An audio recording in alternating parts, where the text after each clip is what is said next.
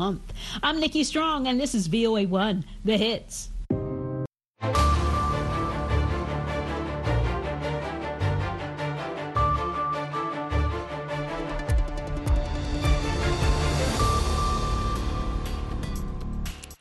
halkani waa washington laanta afka soomaaliga idaacadda v o eda ood ka dhagaysanaysaan mawjadaha gaagaaban efemyada geeska afrika iyo caalamka oo dhan ood nagala socotaan boggan internetka ee v o a somaali com.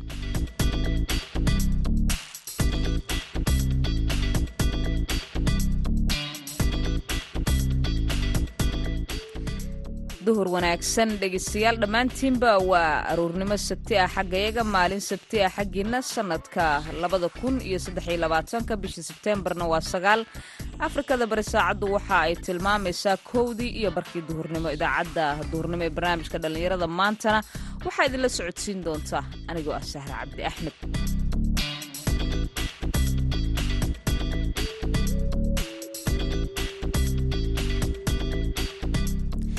Qodobada aad ku dhagaysan doontaan barnaamijkeenna dhallinyarada maantana waxaa ka mida barnaamijka madasha dhallinyarada oo aanu ku eegi doono sida ay dhallinyarada door uga ciyaari karaan wacyigelinta bulshada gaar ahaana dhallinyarada dhinacyada tahriibka iyo sidoo kale halisaha kaleeto. Dhallinyarada waxa ku rida buufiska amase waxa loo yaqaano qofka intimaankiisa la bedelo waxaa ka mid a dhallinyaro kaleete oo runtii iyagoo intay dhib mareen oo rafaad mareen sheekadii la dhihi jiray qofka inta god inta laga qaniino uu intuu qarayo uu yidhaahdo asagana si kan kale looga qaniino uu dhihi jiray aniga waxba ima gaarin oo kaleete ayaa runtii sameeya. Waxaa jira wacyigelino badan oo dhallinyarada lagu tashkiilinayo inaysan gelin dabcan dhinacii kaalimaha heesaha ayaad ku maqli doontaan inta barnaamijka aan ku guda jirno balse marka hore ku soo dhowaada warkeennii dunida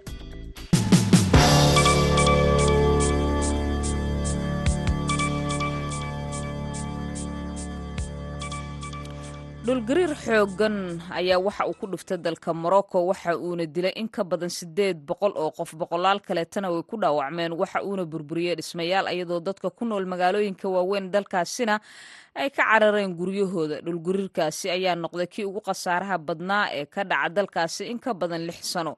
Dhulgariirkan cabirkiisu waxa uu ahaa toddoba dhibic labo. Waxa ay sheegeen saraakiisha wasaaradda arrimaha gudaha ee dalkaasi in siddeed boqol iyo labaatan qof ay dhimatay lix boqol toddobaatan iyo laba kaleetana ay ku dhaawacmeen tiradaasi oo tii ugu dambeysay ee dowladdu ay sheegto heshiiska tareenka caalamiga ah iyo heshiisyada dekedaha isku xira bariga dhexe iyo koonfurta eshiya ayaa lagu dhawaaqi doonaa sabtida maanta iyadoo uu socdo shirka g ee new delhi. Sarkaal ka tirsan aqalka cad ee dalka maraykanka ayaa sidaas yiri axdigu waxa uu ku soo beegmayaa xili xasaasiya iyadoo madaxweynaha dalka maraykanka jo biden uu doonaya inuu ka hortago shiinaha dhismaha waddooyinka iyo riixitaanka kaabiyaasha caalamiga ah ee ay ka wadaan meelo ka mida eshiya iyo waddamada soo koraya xarunta xisbiga siyaasadda ee united russia ee ku taalla magaalada boholi ee dalka ruushka looga arrimiyey gobolka zubarjishka ee dalka ukraine ayaa la burburiyey jimcihii sida ay sheegeen. Warbaahinta madaxa bannaan ee kiev independent maanta oo sabti ah duqa magaaladaasi ayaa waxa uu dhacdadani kaga dhawaaqay telegramka wuxuuna sheegay in ruushka ay gubeen dhismaha. Dhacdadani ayaa ku soo beegmaysa iyada oo doorasho been abuura ay ka socota ayuu yiri dhulkaasi oo ruushka uu haysto ukrainna ka tirsan. Warkii dunidana waa naga intaa dhegeystayaal.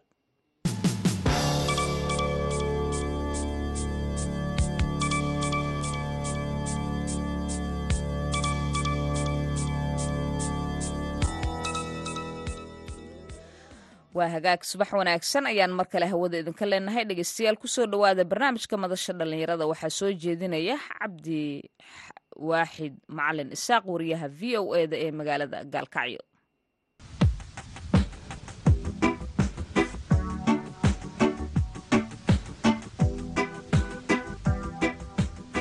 kulanti wacan oo wanaagsan dhegaystayaal ku soo dhowaada barnaamijka madasha dhallinyarada oo toddobaadkan idinkaga imaanaya magaalada gaalkacyo ee xarunta gobolka mudug. Bismi illaahi raxmaan raxiim waan ku dhowahay barnaamijka madasha dhallinyarada v o a waa mahadsan tahay waan salaamayaa cabdiwaaxid v o edana waa mahad celinaya. Barnaamijyadan ay ku soo kordhisay. Idaacadda v o a ee madasha dhalinyarada ee ahaa barnaamij loo baahan yahay. Haddii aan ka hadlo arrintan ah dhalinyarada maxaa ku soo kordhi kartaan deegaanada ka timaadeen? Arrimaha dhalinyarada waxyaalo badan ayaan ku soo kordhi karnaa. Annaga meesha tan aan joogna hadda waxa waxaan ku qaadanay barnaamij oo dhalinyarada wacyigelinta iyo managementigii iyo leadershipkii iyo barnaamijyo. Khilaafka xalinta khilaafka. Waxaan qabaa inaan wax badan ku soo kordhi karno. Wixii aan baranana aan rabno inaan u faa'iideyno dhalinyarada deegaanadeena ka nimid insha allah. Cabdiraxmaan macalin maxamuud kana mida dhalinyarada ee magaalada gaalkacyo kuna magac dheer nadaara. Haddii laga hadlo doorka dhalinyarada wacyigelinta waxyaabihii aad soo jeediseen waxaad ka mid ahayd sidii looga hortegi lahaa arrimaha tahriibka. Kaalinta dhalinyarada gaalkacyo adiga oo ku hadlaya afkooda. Intay la ekaan kartaa inaad dhalinyaradii ka dhaadhicisaan inay ka baaqdaan ama ka baaqsadaan tahriibkii oo ah musiibo dhalinyarada la soo daristay?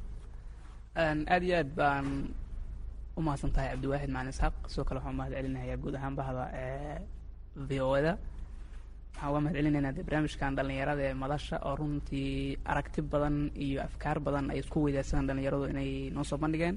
Aad baan uga mahad celinaynaa intaas kadib haddaan u galo su'aasha ah doorka dhalinyarada gaalkacyo ay runtii ku yeelan karto barnaamijkan tahriibka runtii waa door muhiima dhalinyarada waxay ka qayb qaadan kartaa runtii isku taxallujis badan haddii la sameeyo in la yareeyo barnaamijkaas tahriibka annagoo u marayna dhanka wacyigelinta. Sidaan ognahayba dhalinyarada waxa ku rida buufiska amase waxa loo yaqaano qofka intimaankiisa la bedelo waxaa ka mid a dhalinyaro kalete oo runtii ayagoo intay dhib mareen oo rafaad mareen sheekadii la dhihi jiray qofka inta god inta laga qaniino uu intuu qarayo uu yidhaahdo asagana si kan kale looga qaniino uu dhihi jiray aniga waxba ima gaarin oo kaleete ayaa runtii sameeya.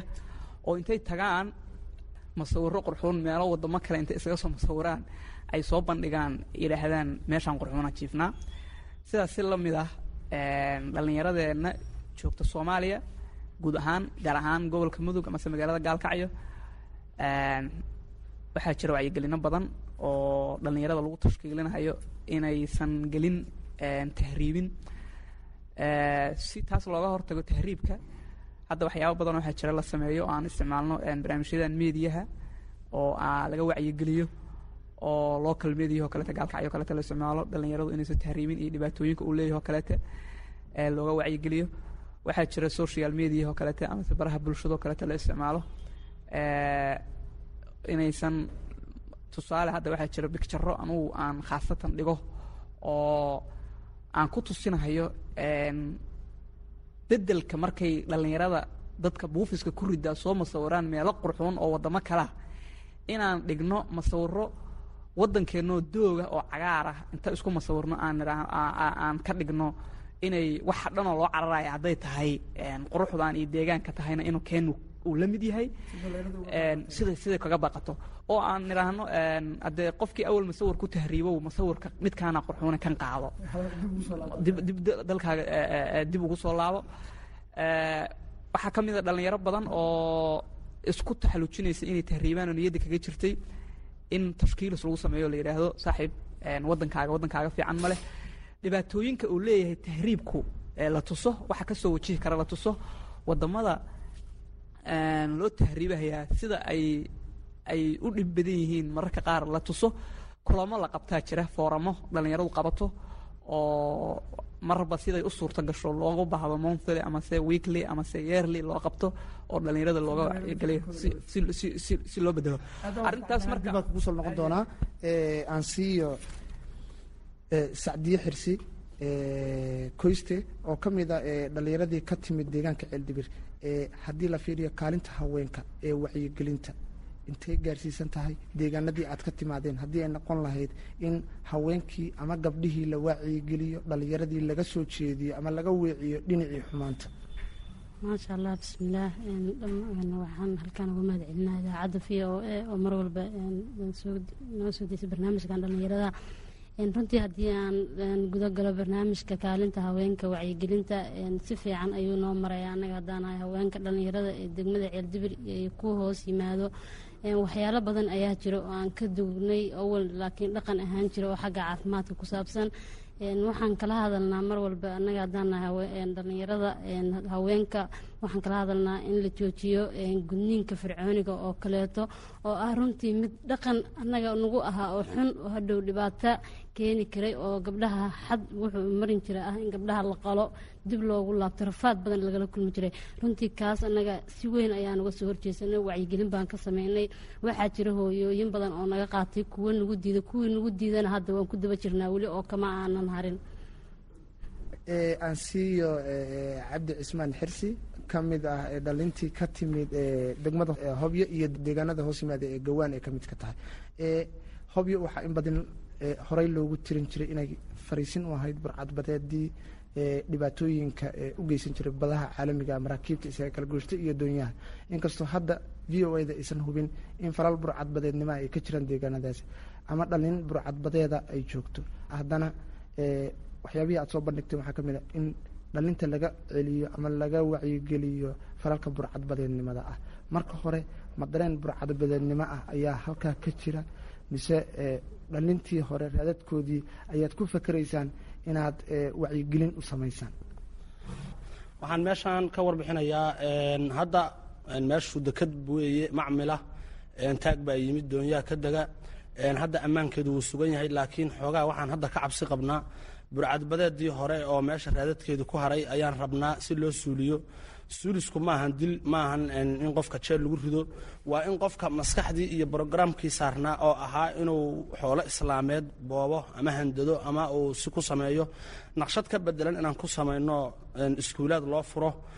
Wacyigelin ballaaran lagu sameeyo waxa weeye shaqo abuur loo sameeyo haddii ilaahay idin hayo oo wacyigelintaas wacyigelinta ballaaran la samaynhayaa mid waxbarasho mid shaqo abuuro badahoodii loo calamiyeynahayo doonyahoodii iyo shamaagahoodii iyo qalabkoodii jeestadii sidoo kaleeta in loo habeeyo qofku hadduu saas ku mashquulo oo arrintaas la helo waxaa dhicin karaysaa inuu qofku burcadbadeedii horeete naftiisi markii maarayn loo helo biil loo helo waxa weye meel uu ka soo dhacsan karo nolol maalmeedkiisa uu helo inuu iska dhaafo. Laakiin hadda hobyo boqolkiiba boqol waa ammaan annakaa ka cabsi qabna burcadbadeedii hore oo raadadkooda meesha ay ku hareen. Insha allah waxaan danaynaynaa marka in hay'aduhu dhammaan naga taakuleeyaan wacyigelinta noocaasa kuwa waxbarashada iyo kuwa iskaashatada badda iyo kuwa waxa weeye nooc kasta leh. Saasaan danaynaynaa cabdiwaaxid v o a aad ma mahadsantiin dhammaantiin cabdi macalin deegaanka wasil waxyaabihii aad soo gudbiseen marka aad qiimaysaan ma isleedihiin hay'addii tababarkan idiin qabatay gacan rasmiga ayaad ka heli doontaan si dhallinyaradii kaabayaashoodii loo hormariyo. Waa mahadsantahay mar labaad cabdiwaaxid mar labaad waxaan rabaa inaan u mahad celiyo asxaabteeda dooda ee kala qaybgalaysa. Mastar cabdi nadaara cabdimadaale iyo sacdiyo. Runtii waxaan ka faa'iidnay seminaarkan ama workshopkan waxyaalo badan ee aan rabno anagoon deegaankeena inaan uga faa'iideyno way jiraan annagana action balaan aan soo dhejinnay ee aan rabno deegaanadii dhalinyarada in laka hormariyo. Loo hormariyo barnaamijka wacyigelinta tahay hadday tahay barnaamijkan nadaafadda bilicda magaalada ee dhallinyaradu beryihii u dambeeyey oo ay ku sameynaysay iyo waxbarashada iyo caafimaadka. Aan rabno dhalinyarada intaas laga soo kaabo waxaan rajaynaynaa inay hay'addu gacan naga sii doonto insha allah. Dhallinyarada degmada wasiireed waxay wadaan ole ay rabaan inay ku samato bixiyaan deegaanka ay bilicda dib ugu soo celiyaan hadday tahay waxbarashadii hadday tahay nadaafadii hadday tahay caafimaadkii. Waxaan rajaynaynaa deegaanada kale dhallinyarada ka timid ee gobolka mudug ayaguna inay sidaasoo kale samayn doonaan. Inaan waxyaalihii aan ka qaadanay meesha faa'iido ay u noqdaan deegaanadeennii awalna horaan aan u qaban jirnay marka waxaan rajeynaya in hay'adaha caalamkana ay iyagana naga caawiyaan in barnaamijyo badan ayaa ka jira deegaankii. Waxaan malaynayaa hadda barnaamijkan ugubka waa abaaraha deegaanada galmudug aada u saameeyey. Dhallinyaradana qayb ayay ka yihiin barnaamijyadaasi mataqaanaa dadkii xoolihii ay dhaafeen. Sidii loo taakulay lahaa. Ayadana waxaan hay'adaha caalamka inay naga siiyaan gacan naga siiyaan arrintaas. Beesha caalamka ma baaqaynaa insha allah. Aad baa mahadsantaha cabdiraxmaan qorshayaashii aad kulankan ku soo bandhigteen waxaa ka mid ah dhalinyaradiina gaalkacyo in horumarin laydinkugu sameeyo qeybaha isboortiga gaar ahaan garoomada lagu cayaaro kubadda. Maxay faa'iido leedahay marka la fiiriyo in la hormariyo garoon kubadda cagta ah? Maasha allah aad baa umahadsan tahay cabdiwaaxidow adiga iyo inta dooda igala qayb gelaysaba runtii haddee sportisku dhalinyarada marka la yidhaahdo wuxuu kaga jiraa tiir dhexe wuxuu yahay waxyaabaha ka qayb qaata xitaa waxay ka mid tahay maadaama ka hadlayna hadda tahriibka o kalete waxyaabaha dhalinyarada maaweliya oo runtii ay niyaddooda waxa weeye dejiya oo stresska ka ilaaliya ayuu yahay cunuga qofku markuu walwalo waxyaabaha qofku stresska uu isaga ilaaliya waxaa ka mid ah waxyaabahan sportiska sidaas darteed maadaama garoon weyn uu ku yaalo stadium weyn uu ku yaalo magaalada gaalkacyo runtiina wax badan laga qabtay. Bayskiisii horena ay dhalinyaradu lahayd oo ilaa burburkii dowladda wixii ka dambeeyay ay dhalinyaradu gacanta ku hayeen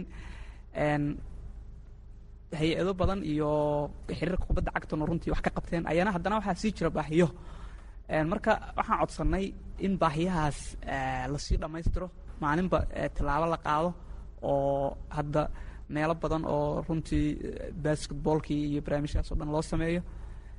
Sida hadda adu qorshayaal ka dhidhiman intii laga qaban kara aan ka dhimano runtiina muhiimad gaara ayuu u leeyahay. Sportisku guud ahaan haddii sportiska hadduu muhiimad leeyahay baliiskii ama goobtii lagu cayaari lahaana in ayadana ahmiyad gaara la siiyaa aad bay u mudan tahay in la xuso marka saasaan ahmiyadda u sinay sacdiyo markii aada bilaabayseen wacyigelinta ku aadan gudniinka fircooniga ah deegaanku dadka dareenka ay idin muujiyeen sidee iday arkeen bulshada? Bismillaah waa mahadsantahay cabdiwaaxid runtii howl uguba oo hore loo aqoonin markii la qabanayo way adagtaasi dadka bulshada looga dhaadhiciyo. Laakiin waxaan u adeegsanay xagga culimo diinka xagga dhallinyarada xagga hooyooyinka oo qaar oo fikraddii nala fahmay waxyaalo badan baan la hoos tagna laakiin dad imtixaanka qabanay ma aysan tegin meeshii goobtii iskama ay dhawaaqin. Markii shiiqii uu ka jeediyey masaajidkii markii laga baxo salaadii uu yiri maxayd baraarujin noocaasaa jirto ha la qaato shareecada islaamka way ogoshahay diinteennu ma banaynin. Runtii dadkii mar labaad way wada baraarugeen wayna nala fahmeen in arrintaani ahayd arrin xadgudub ah oo aan shareecada islaamka meelna aysan ka haysan oo arrin laga bartay dad jahil inay tahay. Sidaas ayay nagula fahmeen arrintii maasha allah way noo hirgeshay maasha allah waxaan rajaynaynaa in nala caawiyo hadda haddiiba ay jiraan hay'ada. Naga caawin karo arrinta noocaas baraarujinta aan wadno oo la dagaalanka gudniinka fircooniga ah oo muddo soo jireen ahaa. Waxaan ka codsanaynaa dhammaanba hay'adaha arrintaasi qusayso ama yacni arrimahaas wax ka qaban kara inay wax nagala qabtaan. Haddii aan lehed kuwa maamulada hadda aan hoos joogno galmudug hadday ahaan lehed dowladda federaalka hadday ahaan lehed hay'adaha kale maxaa beesha caalamka wixii wax naga qaban kara arrintaasi inay naga caawiyaan degmada ceeldibir dhallinyarada joogta arrintaasi way u istaagtay hadday ahaan dhanka la dagaalanka gudniinka fircooniga. Aad baa mahadsan tahay. Cabdiraxmaan waxaa laisla soo qaaday kulankii maantay. Arrimo ku salaysan kufsiga gaalkacyo iyo deegaanada hoos yimaada heerka kufsiga dhalinta marka la fiiriyo ma dhibaatooyin dhinaca kufsigaa jira. Cabdiwaxid aad baa umahadsan tahay runtii arrinkaas rayibka waxa laysla soo qaaday weeye waa dhibaatooyin kolley guud ahaan soomaaliya ka jira. Waxyaabaha hadda gobolku mudug runtii waxa weeye waa meelaha runtii la tilmaamo maamuladuna ka jiraan. Haddana marka qaar falku waa dhici karaa. Midkii ugu dambeeyey hadda gobolka mudug marka laga hadlayo wuxuu ka dhacay galdogob mid aada u xunoo waxa weeye beesha caalamkii dadka dhan ogaadeen. Marka runtii dhallinyarada siiba gabdhaha waa waxa ay saameyn xun ay ku yeelanayso. Marka diiniyan iyo maadiyanba dadka in laga wacyigeliyo waa waa aaday muhiim u tahay. Laakiin wacyigelin ma ku filnaanayso waa wax arrin security iyo maamul iyo administration mar walba u baahan. Marka dhallinyaradu runtii waxay kaliya ku leeyihiin inay cabasho iyo ka muujiyaan mar walba intay wacyigelin karaan oo bari karaana dadka amnigana mar walba la xoojiyo. Hadday noqon lahayd maamulada gobolka mudug dega hadday noqon ka arrimaya aan idhaahdee hadday noqon lahayd puntland iyo hadday lahayd galmudugba in laga taxadiro runtii aad baan baaqaas ugu jeedinaynaa nin walba oo dhallinyaro ah waxa uu ku taamaya waddada wanaagsan. Haddana ma muuqato tallaabadaas cid u istaagto. Sababtu maxay tahay? Maxaa sal u ah haddii ay noqon lahayd dhallinyarada dhinaca haweenka iyo hadday noqon lahayd dhallinyarada dhinaca raggaba waa mahadsantaha cabdiwaaxid waxaan dhihi karnaa soomaaliya gebi ahaanba burbur baa ku dhacay. Dowlad la'aan. Waxaa sababay dhan wal marka inay dhaqaalihii hoos u dhaco waxaan dhihi karnaa marka waxyaalaha lidiga ku ay falalka xuna ee dhallinyarada keenaya inay ku kacaan xagga dowlad la'aanta iyo dhaqaala yarida. Matalan anaga deegaanada hadda aan joogno oo kale falalkaas lidiga ku ay sida hadda riidka la soo qaato kufsiga oo kale wuu ku yaryahay dadkeena waa dad inta badan diinta islaamka ku dhaqma. Waa dad hadda u tiigsanaya tiigsanaya horumar iyo sidee wax loo kobciyaa sidee wax loo dhistaa tiigsanaya weeye. Waxaan rabteynaynaa deegaanada kalena inay saasna kala noqon doonaan. Aniga marka sababta waxaan dhihi karnaa sababta waxaan dhihi karnaa wacyi wacyigelin la'aan dhallinyarada ee yar wacyigelinta dhalinyarada ku yar iyo sabab in la badiyo ayaan qabnaa wacyigelinta ku saabsan dhalinyarada si loo horumarin lahaa waxyaalaha falalka lidiga ku ahna laga hortegi lahaa. Cabdiraxmaan dhallinyaradii maalin walba horumaray ka hadlayaan ilaa iyo haddana tallaabo horumar ma muuqato. Sababtu maxay tahay? Aad iyo aad waa su'aal su'aal aad u muhiima cabdiwaaxidow arrinka horumarka marka laga hadlaayo tusaale dhallinyaradu sidaa sheegtay waxay ku fakeraan inay barnaamij horumara ka shaqeeyaan. Tusaale waxaan ka soo qaadanaynaa hadda waxaan ka hadlaynay in laga hadlo gacnaha la yareeyo tahriibto kaleete dhallinyarada waxaa laga yaba inay ka guuxayso wax walba ama projecti kasta marka la qabanayo mashruuc wuxuu u baahan yahay resources iyo waxyaabo looga baahan yahay.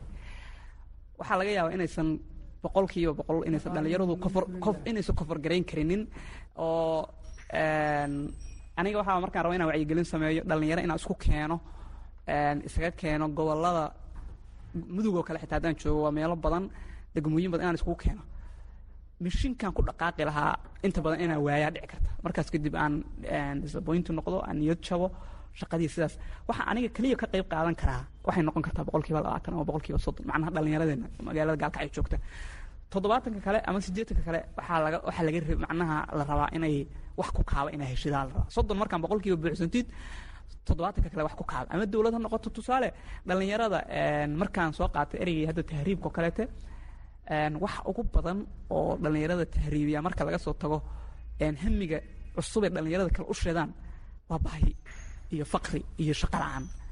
Marka anugu waa wacyigeli waa la wacyigelin karaa barnaamij kasta loo samayn karaa laakiin uma samayn karo shaqo abuur uma samayn karo. Marka si inaa xakameeya aad bay u adag tahay. Maalinta dambe inuu iga fakado cunugu ama ninka dhallinyarada saaxiibka nahay markaan dhowr jeer qadada ka dhiibo oo maalin celiyo oo maalin kale aan aan sameeyo waxa weeye maalin dambe wuxuu oranayo meeshaan uu fakriga joogi mahaye adeer adeer u daa marka aad bismi illahi raxmaan raxiim qodobka laga hadlahayaa waa waxa waxqabadyada maalin kasta ama horumarada laga hadlo dhallinyarada ku taagan. Bahda barnaamijka v o a cabdiwaaxid macalin insaaq u horeeyo waxaan leeyahay waa mahadsantihiin howl culus ayaa ku jidhaan allah idinku garab galo. Annakuna waan ogsoonnahay. Waxaan is leeyahay aniga muhiimaddeeda markaan ka hadlo. Waa su'aal meesha ku jidha laakiin soomaaliya shan iyo labaatan sane burbur tahay. shan iyo labaatankaas sano waxaa daashaday wax la yidhaha qabiil. anaa juf iyo anaa juf iyo annaka laandheera iyo adu laangaabaa tahay. kelmaddaasaa daashatay. muhiimadda dhabtaa oo jirta waa qabiil. waxaa looga gudbin karaa oo qabiil looga gudbi karaa caqli ahaanteeda markaan hadlo kelmadda qabiilku soomaaliya waa burburiyey. dadkii hidaha iyo dhaqanka lahaa waa kala dawaafiyey.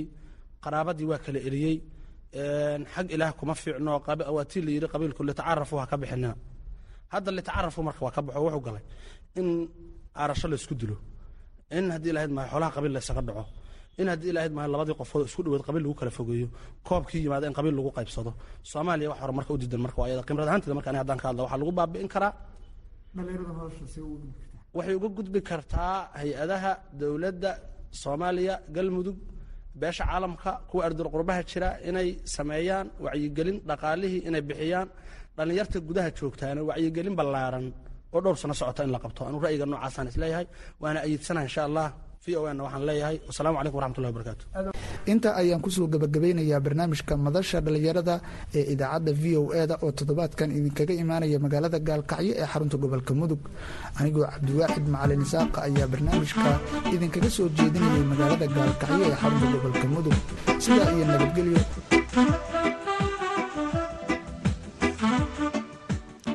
mahadsaned cabdiwaaxid macalin isaaq ayaa barnaamijkaasi nala socodsiinaya weli washington ayaad naga dhegaysanaysaane markana dhinacii heesaha Thank you.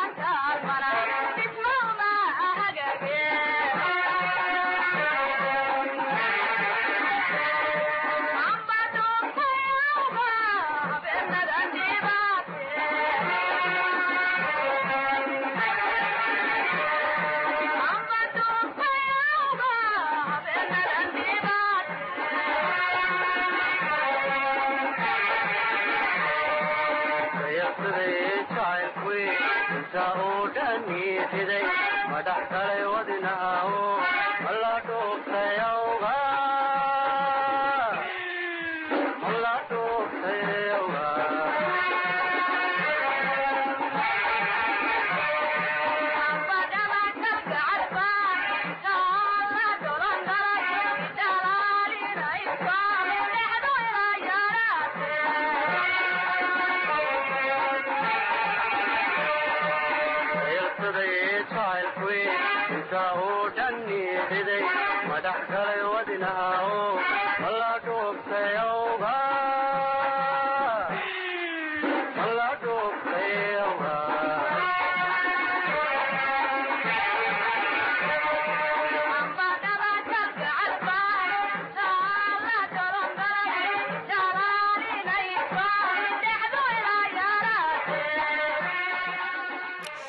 guud ahaana idaacaddeenii barnaamijka dhallinyarada maanta ayaynu intaasi ku soo gebagabaynaynaa waa sahre cabdi axmed iyo dhammaan bahda v o edo idin leh isma dhaafno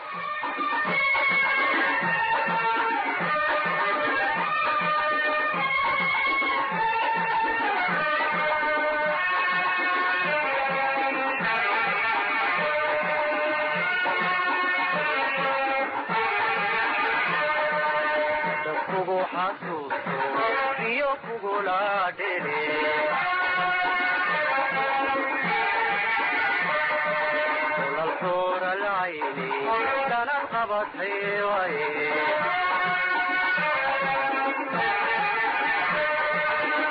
kugu xasuusto iyo kugula dhire